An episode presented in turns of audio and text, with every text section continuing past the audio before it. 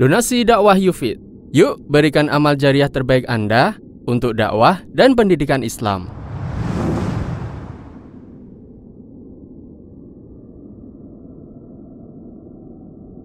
Bismillahirrahmanirrahim. Assalamualaikum warahmatullahi wabarakatuh. Alhamdulillahi wa kafa والصلاة والسلام على رسوله المصطفى وعلى آله وصحبه ومن اكتفى أما بعد Kita panjatkan puji dan puji syukur kehadirat Allah Subhanahu wa taala. Pada kesempatan malam yang berbahagia kali ini kita masih kembali diberi kekuatan kesehatan, hidayah serta taufik dari Allah Jalla wa Ala sehingga kita bisa kembali menghadiri pengajian rutin untuk membahas adab dan akhlak di dalam Islam dari kitab Bulughul Maram, Kitabul Jami' karya Imam Ibn Hajar Al-Asqalani rahimahullah. Kita berharap Semoga Allah Subhanahu wa taala berkenan untuk melimpahkan kepada kita semuanya ilmu yang bermanfaat sehingga bisa kita amalkan sebagai bekal untuk menghadap kepada Allah Jalla wa Ala. Amin. Salam dan salam semoga senantiasa tercurahkan kepada junjungan kita Nabi besar Muhammad sallallahu alaihi wasallam kepada keluarganya, sahabatnya, dan umatnya yang setia mengikuti tuntunannya hingga akhir nanti. Para hadirin dan hadirat sekalian yang kami hormati dan juga segenap pendengar Radio Insani 88.8 FM di Prokerto, Banyumas, Purbalingga, Cilacap, Wonosobo, Kebumen dan sekitarnya serta para pemirsa Surau TV, Niaga TV dan Yufid TV yang mudah-mudahan senantiasa dirahmati oleh Allah Azza wa Jal. Malam hari ini kita akan menyelesaikan pembahasan tentang hadis yang terakhir yang kita bahas pada beberapa pertemuan yang lalu yaitu hadis nomor 24 yaitu hadis yang berbunyi wa an Abi Ayyub radhiyallahu anhu anna Rasulullah sallallahu alaihi wasallam qaal dari seorang sahabat Nabi sallallahu alaihi wasallam beliau adalah Abu Abu Ayyub Al-Ansari. Semoga Allah meridai beliau. Dari Nabi kita Muhammad sallallahu alaihi wasallam beliau bersabda la yahillu li muslimin an yahjura akhahu fawqa thalathi layalin yaltaqiyani fayu'ridu hadha wa tidak halal tidak halal bagi seorang muslim untuk mendiamkan saudaranya lebih dari tiga malam mereka berdua saling bertemu dan saling berpaling antara satu dengan yang lainnya. Wa khairuhum alladhi yabda'u bisalam. Dari dua orang yang saling mendiamkan ini, yang paling baik adalah yang mau untuk mengawali mengucapkan salam. Muttafaqun alaih hadis riwayat Bukhari dan Muslim. Hadis ini sudah kita jabarkan pada tiga pertemuan sebelumnya. Pertemuan yang pertama kita bahas tentang biografi dari sahabat Rasul SAW yaitu Abu Ayyub Al-Ansari radhiyallahu anhu. Pertemuan kedua dan ketiga kita membahas tentang dua jenis hajar dua jenis hajar. Apa hajar? Mendiamkan. Jadi mendiamkan orang lain itu ada dua jenis. Yang pertama mendiamkan karena kepentingan duniawi.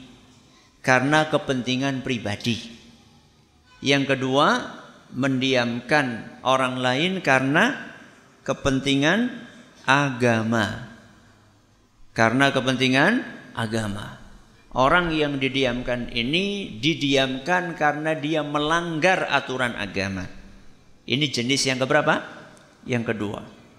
Yang pertama mendiamkan karena kepentingan pribadi. Menyakiti kita, pribadi kita, menghina kita, maka kita diamkan. Ada dua jenis hajar atau mendiamkan orang lain. Dan ini sudah kita bahas pada dua pertemuan yang terakhir.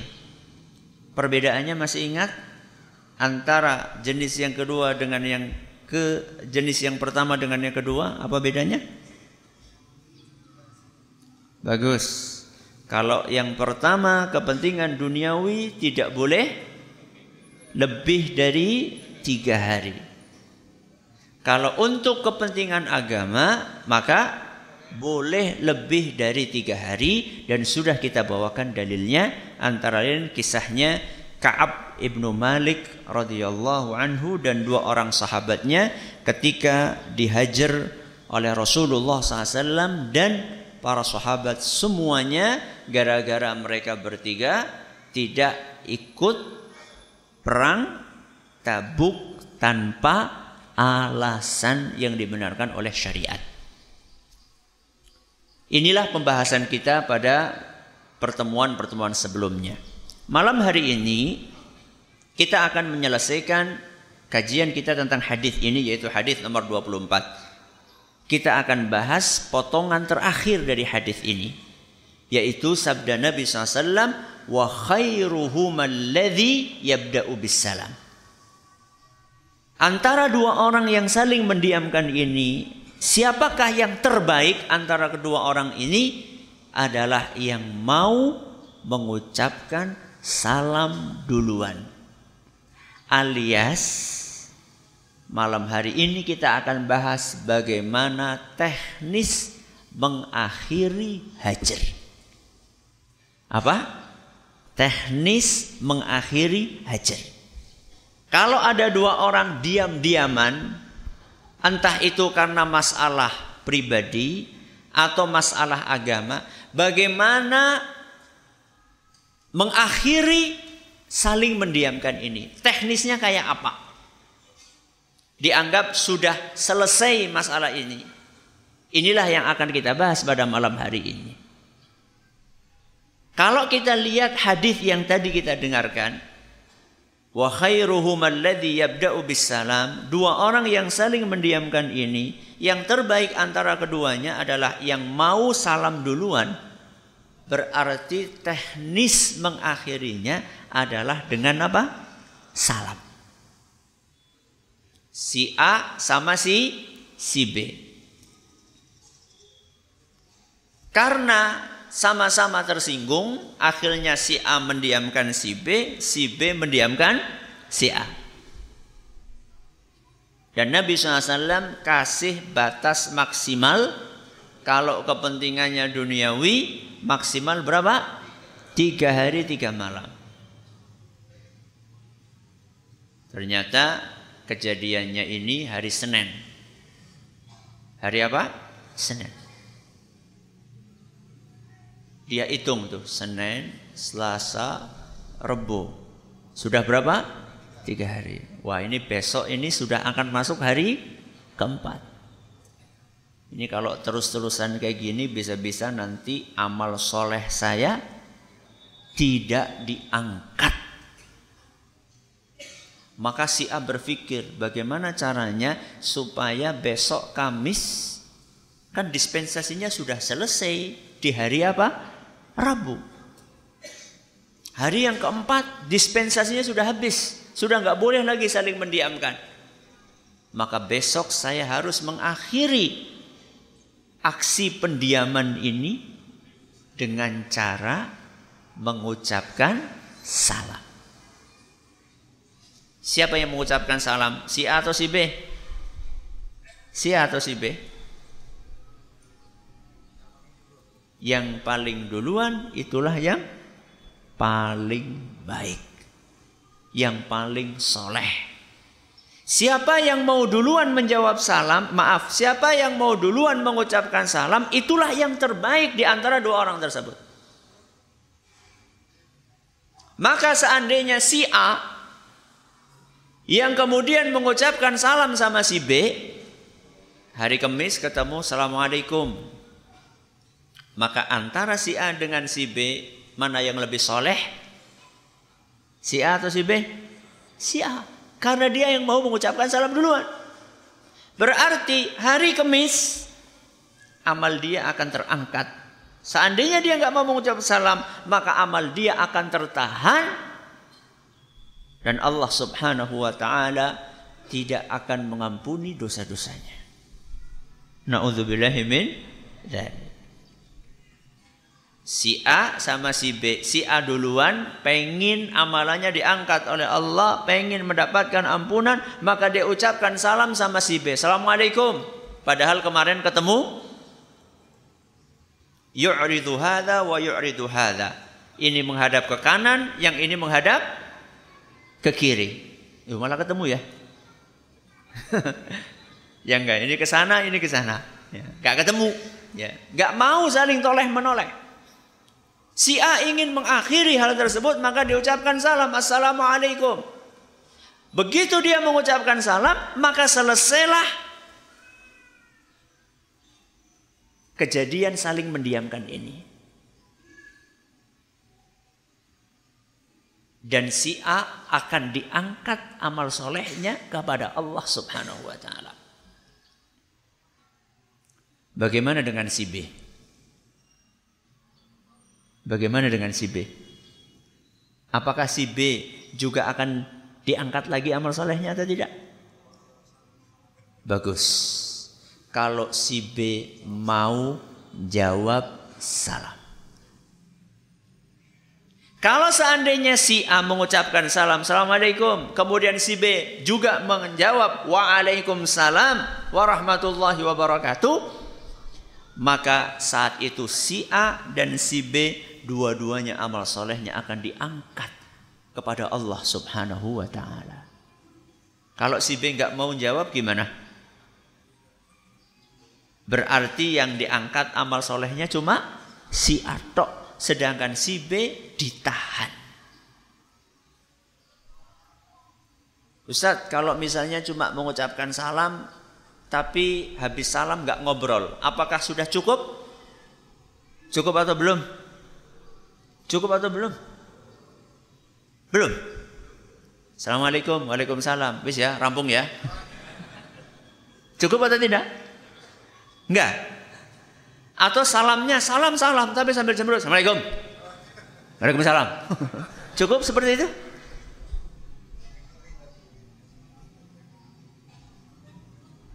Teknis mengakhiri hajar ada perbedaan pendapat di antara para ulama di situ.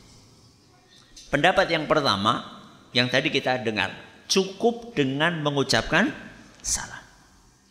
Sudah berakhir. Walaupun setelah itu tidak ngobrol. Yang penting sudah salam karena Rasulullah Shallallahu Alaihi Wasallam dalam hadis yang kita dengar tadi riwayat Bukhari dan Muslim hadis Abu Ayyub Al Ansari nomor 24 dalam Kitabul Jami' dari Bulughul Maram Nabi SAW cuma mengatakan wa khairuhum alladhi yabda'u salam. Yang terbaik yang mau mengucapkan salam. Berarti salam sudah cukup. Ini pendapat yang pertama. Pendapat yang kedua dan itu adalah pendapat pertama adalah pendapat mayoritas ulama. Pendapat yang kedua mengatakan nggak cukup salam. Harus kembali hubungannya seperti semula. Harus kembali seperti semula.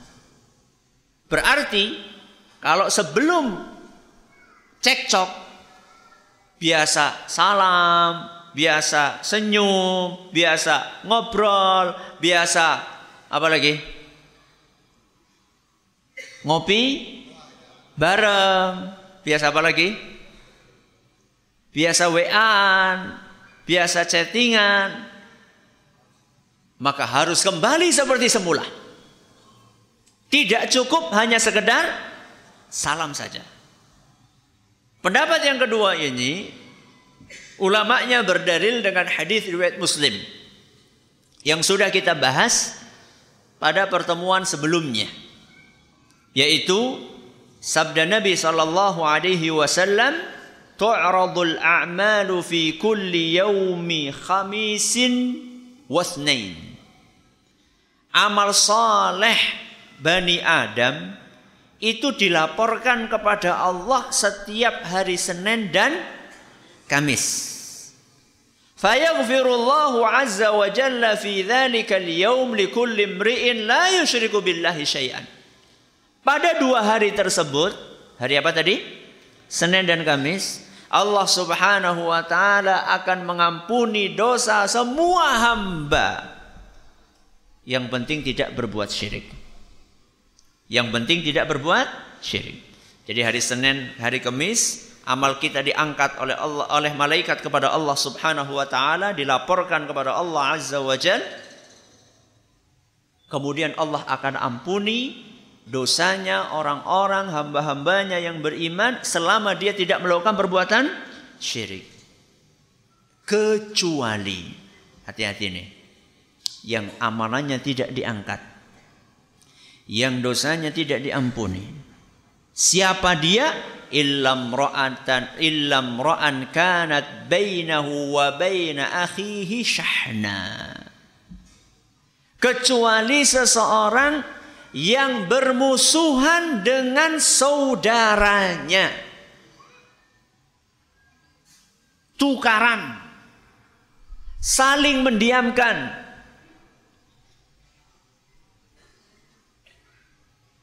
kemudian dikatakan kepada para malaikat urku hadaini hatta yastaliha undurkan ampunan buat dua orang ini sampai kedua orang ini mau saling baik-baikan. Perhatikan, mau saling baik-baikan. Bukan hanya sekedar apa? salam. Ya. Hatta yastaliha. Kedua-duanya mau saling berbaikan. Kalau sekedar salam, tapi salamnya sambil apa tadi? Sambil cemberut, berarti sudah berbaik-baikan atau belum? Belum. Ya. Disyaratkan oleh Nabi kita Muhammad sallallahu alaihi wasallam harus saling berbaik-baikan. Berarti kalau cuma salam dan salamnya tadi sambil sambil apa tadi? Sambil cemberut. Gak cuma cemberut mulutnya, matanya juga melotot. Assalamualaikum. Waalaikumsalam. Ya. Ini berarti sudah berbaik-baikan atau belum? Belum. Ini pendapat yang kedua. Pendapat yang kedua mengatakan hajar itu tidak gugur kecuali seandainya kembali hubungannya seperti semula. Dalilnya sudah saya sampaikan. Pendapat yang ketiga. Berarti sudah berapa pendapat ini? Dua. Yang pertama cukup dengan salam. Pendapat yang kedua mengatakan harus seperti semula hubungannya. Akrabnya seperti semula. Pendapat yang ketiga, mengatakan dibedakan antara yang punya hubungan kerabat dengan yang tidak punya hubungan kerabat.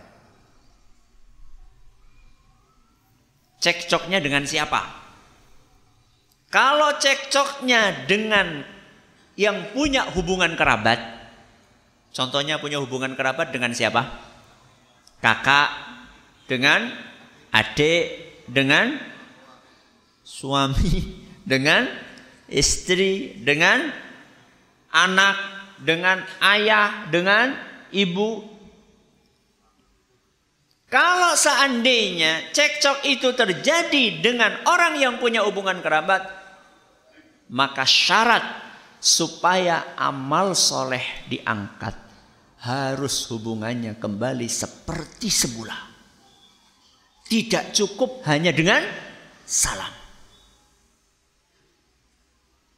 Jadi kalau ada ayah mengatakan kepada anaknya, pergi kamu, kamu sudah tidak saya anggap sebagai anak.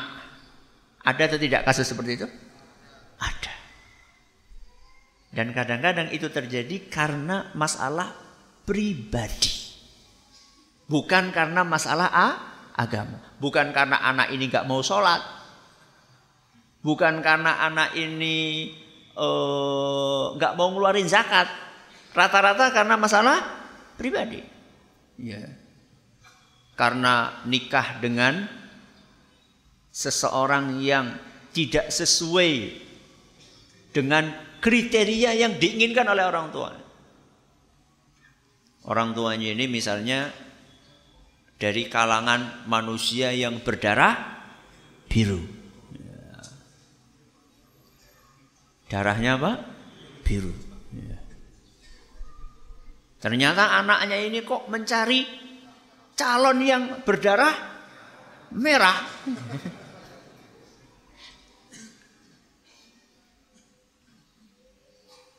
Sudah diomongin sama bapaknya nggak nurut anaknya enggak. Walaupun calon saya ini berdarah merah pak, tapi rajin ke masjid. Masya Allah. Biasa hadir di jensut. Gak peduli, pokoknya kita ini ningrat. Ningrat ya harus dengan ningrat. Enggak pak, saya pengen nikah sama dia. Kalau kamu tetap nikah sama dia, jangan anggap aku bapakmu. Pergi. Ya. Tiga hari atau lebih. Seumur hidup. Nah, sudah. The end. Seandainya anak ini sudah minta maaf kepada ayahnya. Tapi ayah itu tidak mau memaafkan anaknya maka dalam kasus itu yang dikhawatirkan amal solehnya tidak diangkat kepada Allah adalah si ayah. Dan kalau si ayah ingin memaafkan anaknya, maka harus hubungannya kembali seperti semula.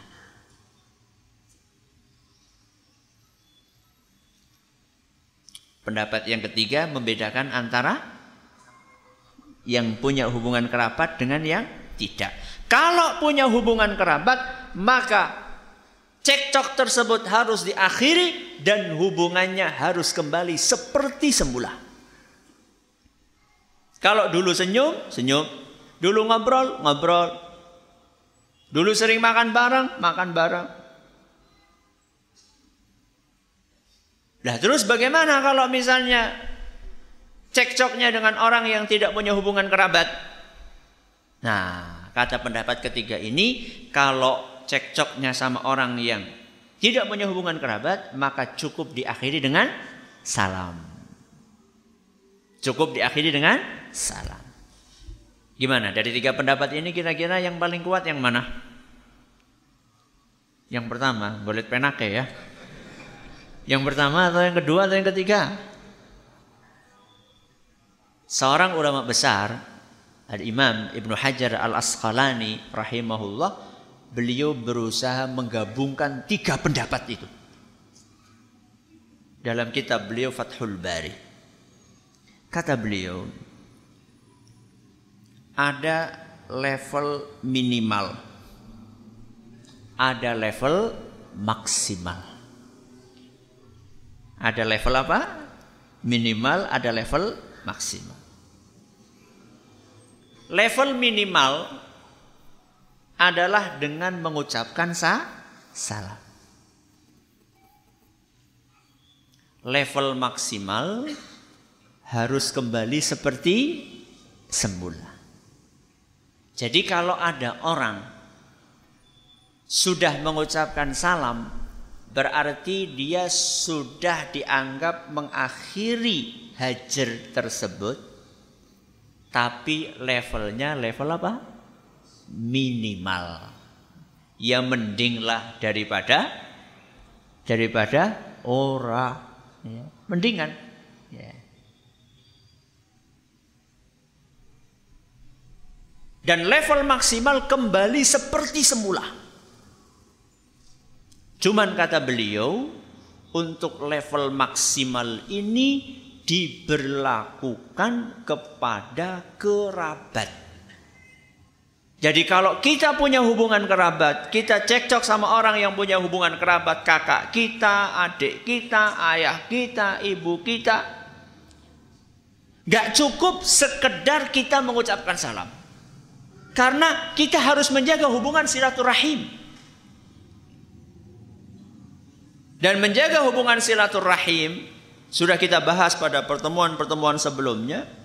Ada yang levelnya wajib ya terutama kepada ayah kepada siapa ibu kepada anak kepada istri kepada suami ya inilah pendapat yang insya Allah lebih kuat yang disampaikan oleh Imam Ibnu Hajar Al Asqalani rahimahullahu taala dan anehnya banyak orang yang lebih milih amal solehnya nggak diangkat. Rela dosanya tidak diampuni karena perasaan apa? Gengsi. Ada manusia seperti itu? Banyak.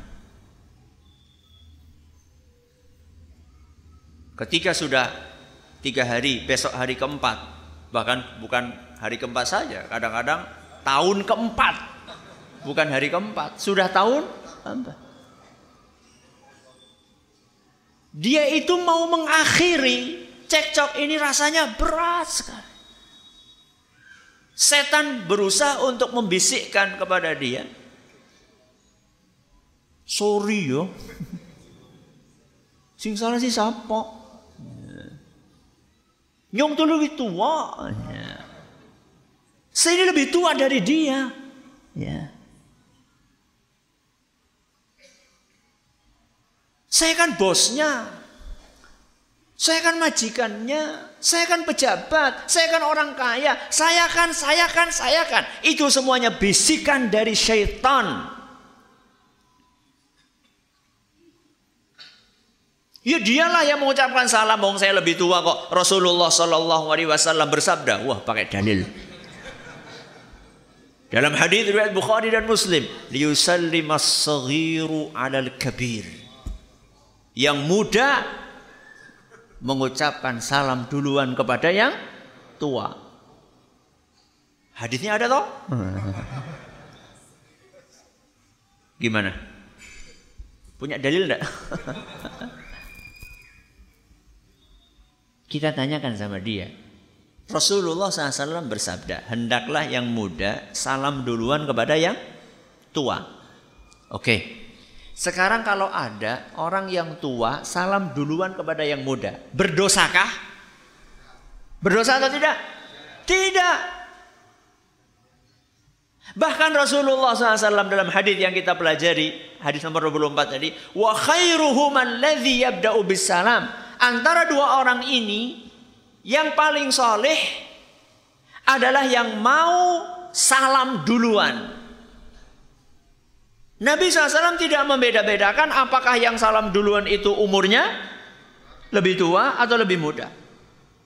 Apakah status sosialnya lebih tinggi atau lebih rendah? Apakah hartanya lebih banyak atau lebih Enggak bedakan. Nabi SAW langsung mengatakan, Wa khairuhum alladhi yabda'u salam. Antara dua orang yang cekcok ini, yang paling soleh, yang paling afdal, yang paling mulia adalah yang mau salam duluan. Kenapa nggak mau menjadi manusia yang mulia? Ya. Lagi-lagi karena bisikan syai, syaitan. Perasaan gengsi. Apa sih alasannya? Biasanya orang-orang yang nggak mau salam duluan, yang nggak mau maaf duluan, biasanya dia merasa, wah kalau saya minta maaf duluan, kalau saya salam duluan, nanti harga diri saya akan turun. Nanti harga diri saya akan jatuh berserakan di mana-mana. Tercecer-cecer. seperti itu? Jawabannya tidak.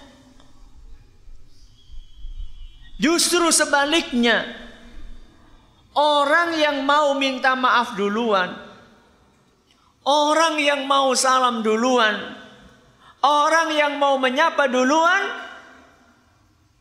justru harga dirinya lebih terhormat di masyarakat dibandingkan orang yang gengsi untuk minta maaf. Dan realita membuktikan hal tersebut. Bahkan Rasulullah sallallahu alaihi wasallam bersabda, "Wa zadallahu 'abdan bi'afwin illa 'izza." Wa zadallahu 'abdan bi'afwin illa 'izza. Setiap manusia setiap orang yang gemar memaafkan maka kemuliaannya akan semakin bertambah. Orang pikir kalau memaafkan harga dirinya akan jatuh. Anggapan itu dibantah oleh Nabi SAW. Justru semakin orang mau memaafkan, ada orang bersalah memaafkan, orang bersalah memaafkan maka kemuliaannya akan semakin naik. Nabi SAW melanjutkan, "Wa ma tawadha'a ahadun lillahi illa rafa'ahu Allah." Semakin seseorang tawadhu apa tawadhu? Rendah diri atau rendah hati? Tawadhu itu rendah diri atau rendah hati? Rendah hati. Semakin seseorang merendahkan hatinya, maka Allah akan semakin angkat tinggi derajatnya.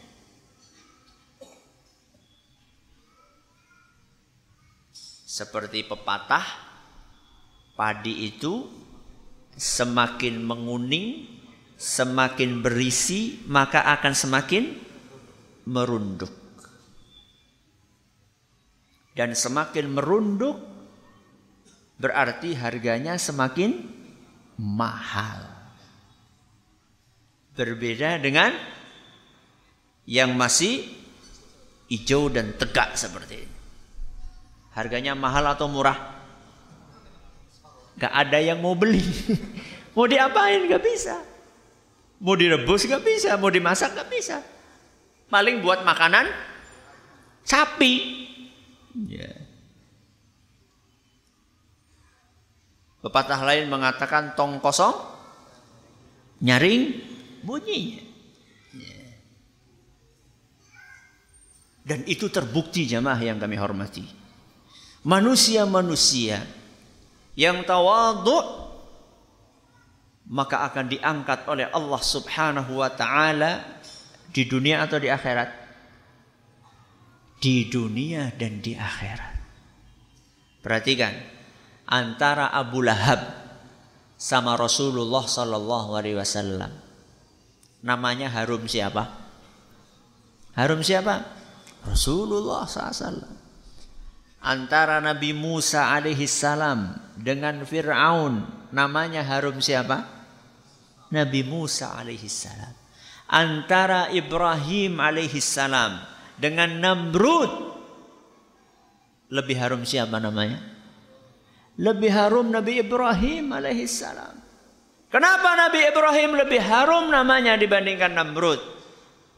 Kenapa Musa lebih harum namanya dibandingkan Firaun? Kenapa Nabi kita Muhammad SAW namanya lebih harum dibandingkan Abu Lahab, dibandingkan Abu Jahal, karena para nabi tersebut adalah manusia-manusia yang tawadhu yang merendahkan hati mereka di hadapan Allah Subhanahu wa taala sehingga mereka namanya terus dikenang di dunia sebelum di akhirat. Itu baru balasan di dunia, belum balasan di akhirat. Di akhirat nanti Allah Subhanahu wa taala akan mengangkat derajat orang-orang yang mau bertawadu dan merendahkan diri dia di hadapan Allah Azza wa Jalla dan juga di hadapan para manu, manusia. Maka jangan mau kita korbankan amal soleh kita cuma karena masalah gengsi saja. Kita ulangi teknis mengakhiri hajar. Ada berapa pendapat ulama? Ada tiga pendapat. Pendapat yang pertama cukup dengan salam. Pendapat yang kedua harus kembali seperti semula. Berarti salam plus. Ya, ya salam, ya ngobrol, ya senyum, ya neraktir. Kalau sebelum cekcok nggak pernah neraktir gimana Ustaz? Ya kembali seperti semula. ya kembali seperti semula. Terus pendapat yang ketiga apa? Dibedakan antara yang punya hubungan kerabat dengan yang tidak punya hubungan kerabat. Kalau yang punya hubungan kerabat harus kembali seperti semula. Kalau yang tidak punya hubungan kerabat maka cukup dengan salam.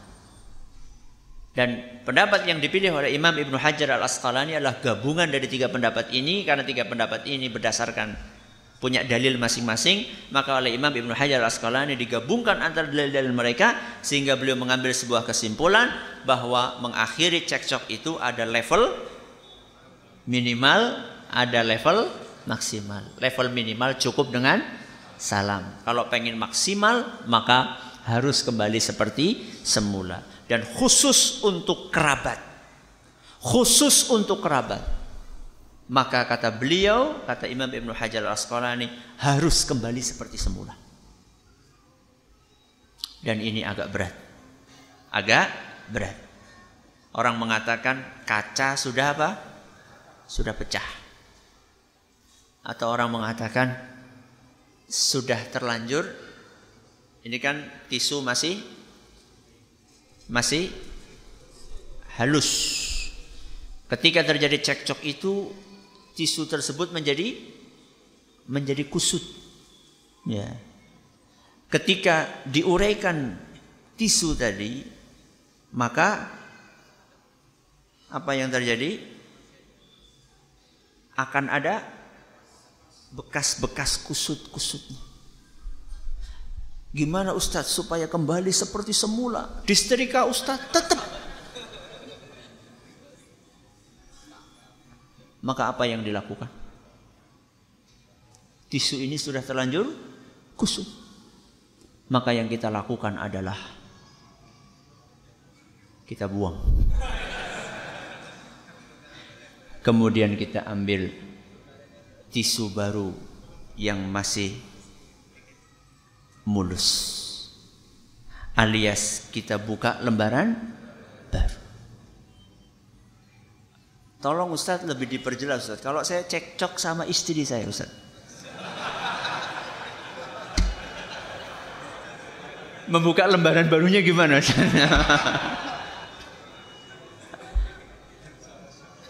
Sudah masuk waktu Isya. Alhamdulillah Rabbil Alamin Wassalatu wassalamu ala nabiyina Muhammadin Wa ala alihi wa sahbihi ajma'in. Amma ba'd Sampai mana tadi?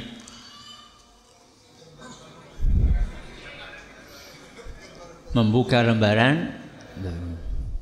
Apakah artinya Ustaz Dari apa yang tadi disampaikan Kalau kita cekcok dengan istri kita Dan sulit diperbaiki Kita harus membuka lembaran baru Dengan membuang tisu yang sudah kusut tadi artinya kita harus berpisah dan mencari pasangan baru? Jawabannya tidak. Jangan senang dulu. Tidak seperti itu konotasinya. Membuka lembaran baru artinya adalah melupakan masalah itu. Enggak usah diingat-ingat sudah. Bahwa pasangan kita punya kesalahan kepada kita, ingat kita pun juga punya kesalahan kepada pasangan kita. Bahkan mungkin kesalahan kita kepada pasangan kita dibandingkan kesalahan pasangan kita kepada kita, bisa jadi kesalahan kita malah lebih banyak atau lebih besar. Maka tidak bijak ketika pasangan kita berbuat salah, kita tidak maafkan. Kita ungkit-ungkit terus. Bukan merupakan sesuatu yang bijaksana kalau kita lakukan itu. Jadi melupakan atau membuka lembaran baru tidak selalu berkonotasi kita cerai. Ya. Tapi kalau memang suatu saat tidak mungkin lagi untuk bisa diperbaiki, maka Islam membolehkan adanya perceraian, namun perceraian yang sesuai dengan adab-adabnya. Bahkan ada satu surat khusus di dalam Al-Quran, judulnya adalah At-Tolaq. Apa At-Tolaq? perceraian. Satu surat khusus dalam Al-Quran. Judulnya apa? At-Tolak. Berarti perceraian itu dibahas sedetil-detilnya di dalam agama kita. Wallahu taala a'lam Ini saya disuruh bagi hadiah, hadiahnya cuma satu. Ya. Pertanyaan. Tadi kita sudah sampaikan berapa pendapat? Tiga pendapat. Di akhir kita bawakan seorang ulama yang menggabungkan antara tiga pendapat tersebut. Siapa nama ulama itu? Bagus, silahkan. Ada pertanyaan? Sudah habis hadiahnya. Ada pertanyaan?